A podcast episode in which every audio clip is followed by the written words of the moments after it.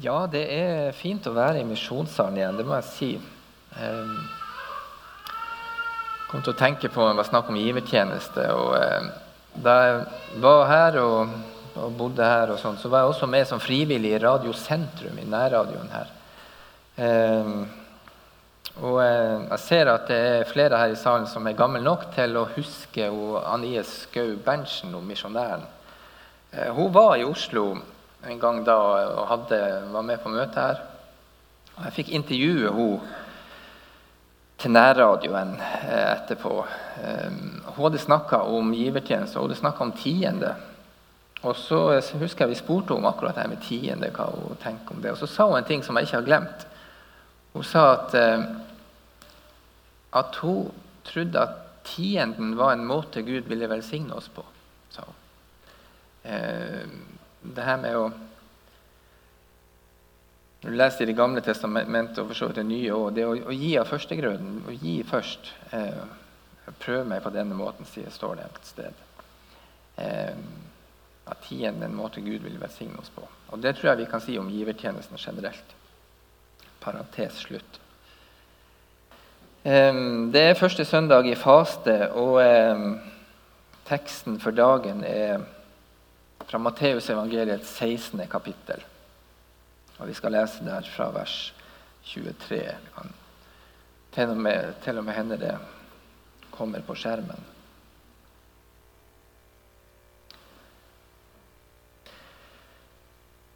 Fra da av begynte Jesus Kristus å gjøre det klart for disiplene sine at han måtte dra til Jerusalem, og at de eldste, overprestene og de skriftlærde skulle la ham lide mye han skulle bli slått i hjel, og den tredje dagen skulle han reises opp.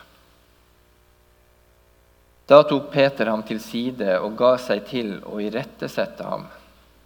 Gud fri deg, Herre, dette må aldri hende deg. Men Jesus snudde seg og sa til Peter, Vik bak meg, Satan, du vil føre meg til fall. Du har ikke tanke for det som Gud vil, bare for det som mennesker vil. Himmelske Far, nå ber vi om at du fortsatt må velsigne oss. Eh, velsign ordet ditt, tal til oss og hjelp oss å ta imot det. I Jesu navn. Amen. Vær så god, sitt.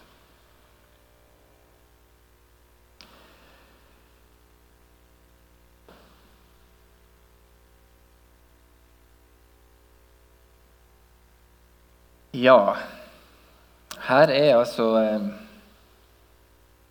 en historie som er litt sånn spesiell, eh, syns jeg. Altså, Jesus er så krass mot en av sine nærmeste venner, sin nærmeste disippel.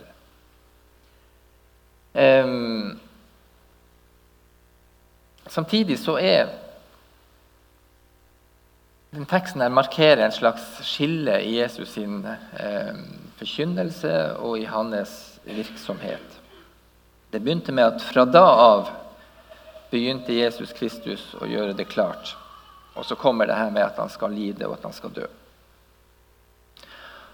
Og Vi må ha med litt av konteksten som, denne, eh, som det her står i. Eh, avsnittet før så har Jesus spurt disiplene om hvem folk sier at menneskesønnen er. Og folk de hadde forskjellige meninger da som folk har nå, eh, om hvem Jesus er. Og så spør Jesus disiplene om hvem de sjøl tenker og tror at han er. Og da er det Simon kommer med det rette svaret. Du er Messias, den levende Guds sønn. Og Jesus følger opp. Eh, og gir anerkjennende ord for det svaret. Og sier at det her ville du aldri sagt hvis det ikke var åpenbart deg av Gud. Og så fortsetter Jesus og sier til Simon at du er Peter, klippen. På den klippen vil Jesus bygge sin kirke og gi himmelrikets nøkler, står, det om. Veldig store og gode ord. Og hvis Peter var sånn som vi er, eh, og det tror jeg han var, så fikk nok de ordene han til å kjenne seg ganske stolt. Yes. Eh, han hadde sett noe, han hadde skjønt noe. Og, og det skillet jeg nevnte, det er at, at nå er det på en måte mulig for Jesus å gå et hakk videre eh, i sitt virke. Frem til da har han vært, opptatt av at disiplene skulle forstå eh, hvem han var. Og nå kunne han gå videre til å fortelle hva han var kommet for å gjøre. Eh, gått over fra å vekt på å forkynne og helbrede til nå å snakke om det som skal skje. Eh, og at veien nå går mot korset, blir veldig tydelig. Og akkurat det der, det skillet der mellom først å forstå hvem Jesus er, før du kan gå videre til hva som skal skje, eh, det tror jeg vi kan kjenne igjen på andre områder òg. Når Jesus kalte disiplene, så var jo kallet primært å følge han. 'Følg meg', sa han. Og så skal han gjøre disiplene til det de har tenkt de skal bli. Um, I dag også snakkes det om kall, og det snakkes om kallsforkynnelse. Men det begynner fortsatt der, at Jesus kaller mennesker til seg. Til å være sammen med ham, står det et sted.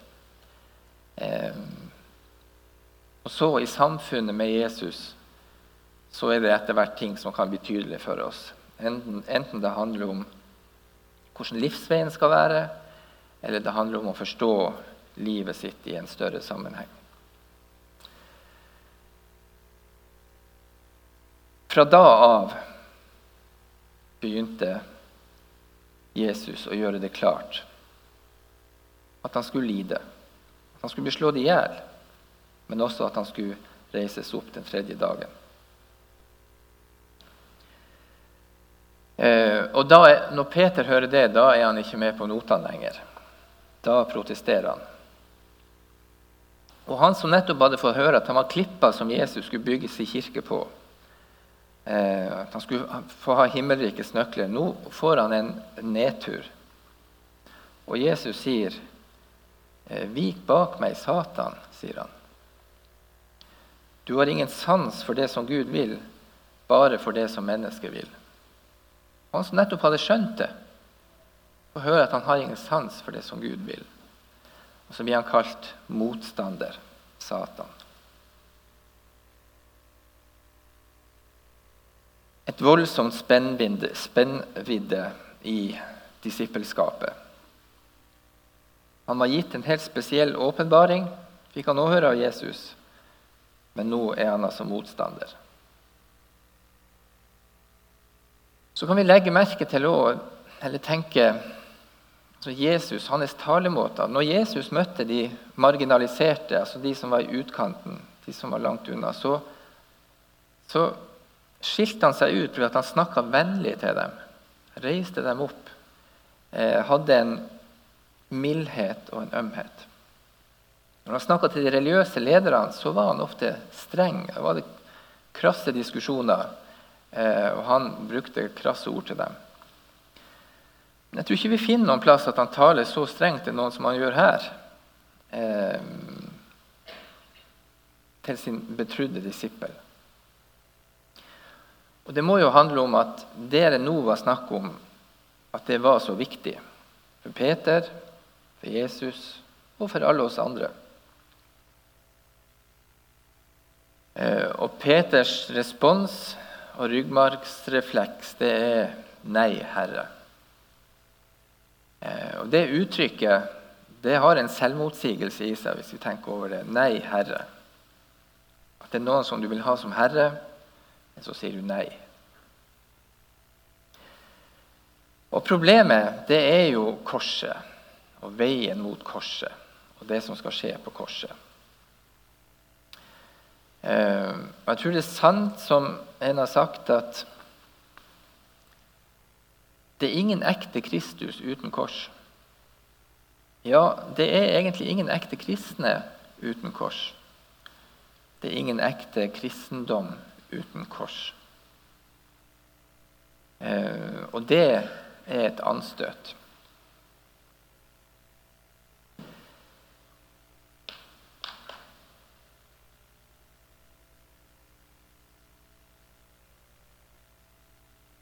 Da Peter hadde sagt til Jesus 'Du er Messias, Guds sønn', så aksepterte Jesus den tittelen. Men han sier, det får vi se etter de andre evangeliene, han ber disiplene om å ikke snakke åpent om det, at han er Messias. Eh, en sånn messiansk hemmelighet har det blitt kalt. Eh, men Jesus kjente godt Messias-forventninga i samtida. Det at man venta på en Messias som skulle, som skulle være en eh, politisk leder, som skulle ha makt. Eh, og Messias og menneskesønn, som det snakkes om, er hekta på profetier i Det gamle testamentet om akkurat det. I Daniels bok, kapittel 7, så står det om, om denne menneskesønnen, som skulle være en som alle nasjoner skulle tjene. Um, og Messias er jo frelseskongen som er salva, som skal lede folket til ny storhet. Men i stedet så reverserer altså Jesus rollen og sier eh, at i stedet for å bli hylla og tjent, så er han kommet for å tjene. Og i stedet for å ta imot ære og herlighet, så er han kommet for å lide. Og med den Messias-forventninga som var, så var det at, at Messias, menneskesønn, menneskesønnen, skulle lide, det var også en selvmotsigelse. Det tenkte de gikk ikke an. Og Jesus var jo Messias. Han var frelseskongen. Eh, men han oppfylte også profetiene fra Jesaja om den lidende Herrens tjener. Om han det står som ble såra for våre overtredelser, knust for våre misgjerninger, som straffa ble lagt på for at vi skulle ha fred. Eh, og ved hans sår har vi fått legedom, som det står hos profeten Jesaja, kapittel 53. Men Peter reagerer som sagt. Nei, Herre, det her må ikke hende deg. Eh, det her må ikke hende deg. Her må vi finne en annen vei. Ikke mot lidelse og død, men en annen vei. Um, og Så fremfører da Peter, uten at han vet det sjøl, den samme fristelsen som Jesus møtte i ørkenen, der djevelen frista ham. Det handler jo også om at, um, at om, om, å få herlighet, om å få seier. Eh, og så er det så lett å blande sammen. I misjonsbefalinga står det jo om alle folkeslag som skal bli Jesus sine etterfølgere.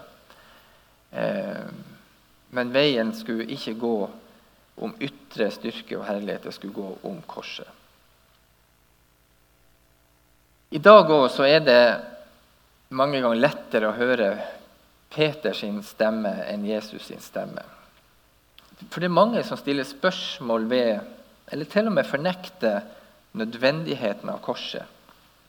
Det her korset, det er blodet dere snakker om. Det ropes ikke om at Jesus skal være militær leder i dag. Men den menneskelige stolthet som vi har, tar fortsatt anstøt av korset. For det handler jo om at vi ikke klarer oss sjøl. Eh, at vi ikke klarer oss uten korset. Korset sier at vi er syndere. Korset sier at vi er under Guds dom. Korset sier at det var nødvendig at Jesus døde i vårt sted og bar vår fordømmelse. Eh, og korset sier at der er eneste mulighet for tilgivelse. Der er eneste muligheten for tilgivelse. Og hva er det da som er Peters feiltagelse? Jo, det er jo selve evangeliet som står på spill. Eh, Og Helt fra de første kristne så har det vært populære alternativ til evangeliet. Ehm, Jesus han advarte mot falske profeter. og Paulus han folder det her videre ut. Andre Korinterbrev, kapittel 11 vers 4, så, eh, eh, så står det at han var redd at han var leda bort til en en annen Jesus, står det. Eh, og Paulus eh, I Galaterbrevet han, skriver han om det her, første kapitlet. Der undrer han seg over at galaterne så raskt har forlatt evangeliet til et annet evangelium. står det. Men så sier han videre i virkeligheten så fins det ikke noe annet evangelium. For Hvis du kommer skjevt ut her, så er det ikke lenger evangeliet, gode nyheter, du har. Da er det bare gode råd. Og gode råd, det handler om gjør sånn og sånn, så skal det bli sånn og sånn. Men evangeliet, de gode nyhetene, det handler om at det har skjedd. Nå er det sånn. Og når Paulus sier det fins ikke noe annet evangelium, så er han egentlig kompromissløs her. For han sier at alternativet er bare en forvrenging. Paulus han, han er pragmatisk i mange spørsmål. Eh, når han snakker om nådegaver, eh, livsførsel, forhold til alkohol eh, Og det er mange spørsmål der du kan ha grader av uenighet. Der det handler om å finne løsninger. Og der det ikke er så dramatisk at gang at det blir, kan bli ulike kirkesamfunn som følge av at man ser ulikt på noen ting. Men når det gjelder evangeliet, så sier Paulus her er det ingen gradsforskjell. Her er det et enten-eller. Og, eh, og, Luther han skriver om det her i sin Galaterbrevskommentar, og han formulerer det sånn og eh, hjelper oss med å forstå hva det handler om her.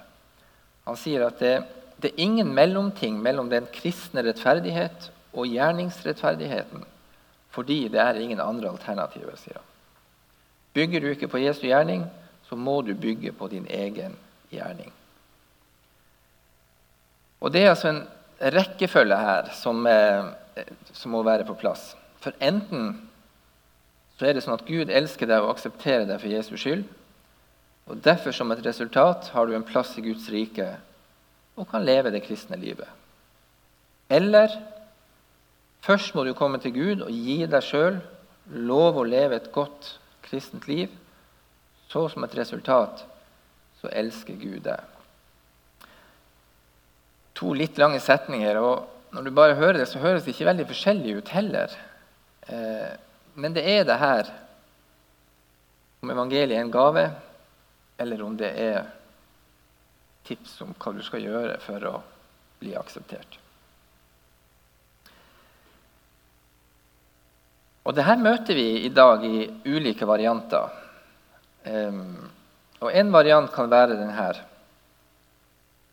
Du sier du er født på ny, og du tror på Jesus. Flott. Det er bare én liten ting du må huske på. Du må ikke si at gode mennesker med en annen religion eller gode mennesker uten religion ikke kan komme til Gud. Så kan du ha Jesus i hjertet så mye du vil. Eh, er det en liten ting.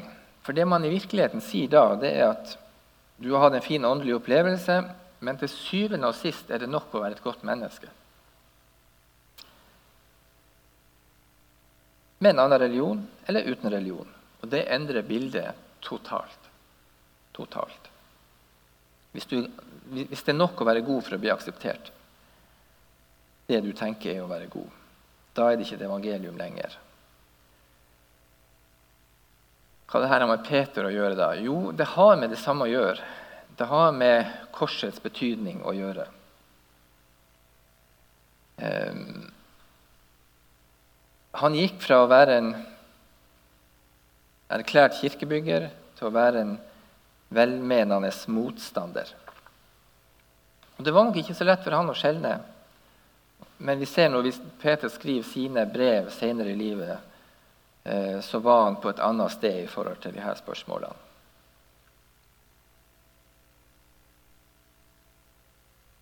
Jesus kom for å tjene. Eh, Jesus kom for å tjene. Og Spørsmålet til oss er også vil vi tjene, eller er vi mest opptatt av å bli betjent? Nå tok jeg med litt i sted av avsnittet før vår tekst, og vi må ha med litt av de versene som kommer etter òg. I fortsettelsen så sier Jesus at den som vil følge etter meg, må fornekte seg selv og ta sitt kors opp og følge meg. For den som vil berge sitt liv, skal miste det. Men den som mister sitt liv for min skyld, han skal finne det, sier han. Å være menneske det handler jo i stor grad om å finne ut av hvem vi er. Livets dype spørsmål. Hvem er vi? Hvorfor er vi her? Hva skal være vårt bidrag? Hva er den større sammenhengen? Og Det svaret som Jesus gir, er i første omgang veldig provoserende. Eh, Dietrich Bonhoeffer har skrevet om det her, og han sier noe i retning av at når Jesus kaller oss, så kaller han oss til å komme og dø. Eh, I forstand av å miste seg sjøl. Og Jesus sier at han lei for oss, altså hans lidelse var for oss, så skal vi i neste omgang gjennom lidelse bli som han og bli likedanna med han. Lidelsen hos oss vil ha en annen betydning, en annen rolle. Men å ta opp korset handler om eh, en type lidelse.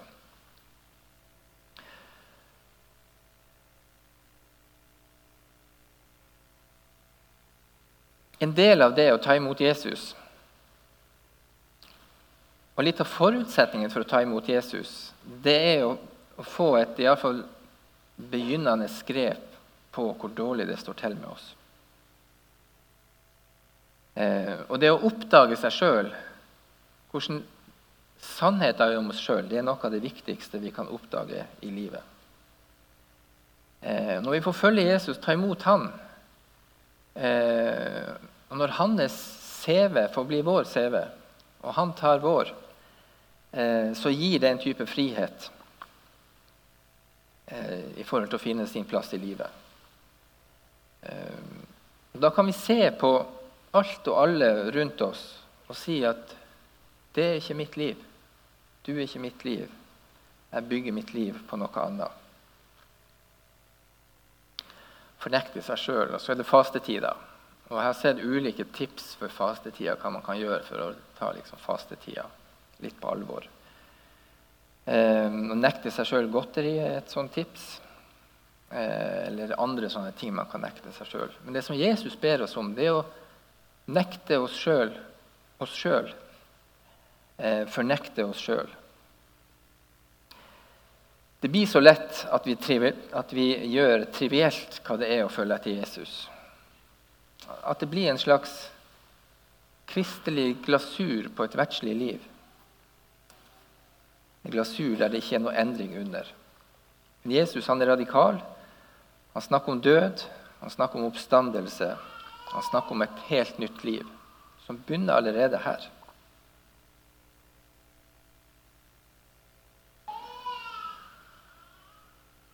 Ingen ekte Kristus uten korset.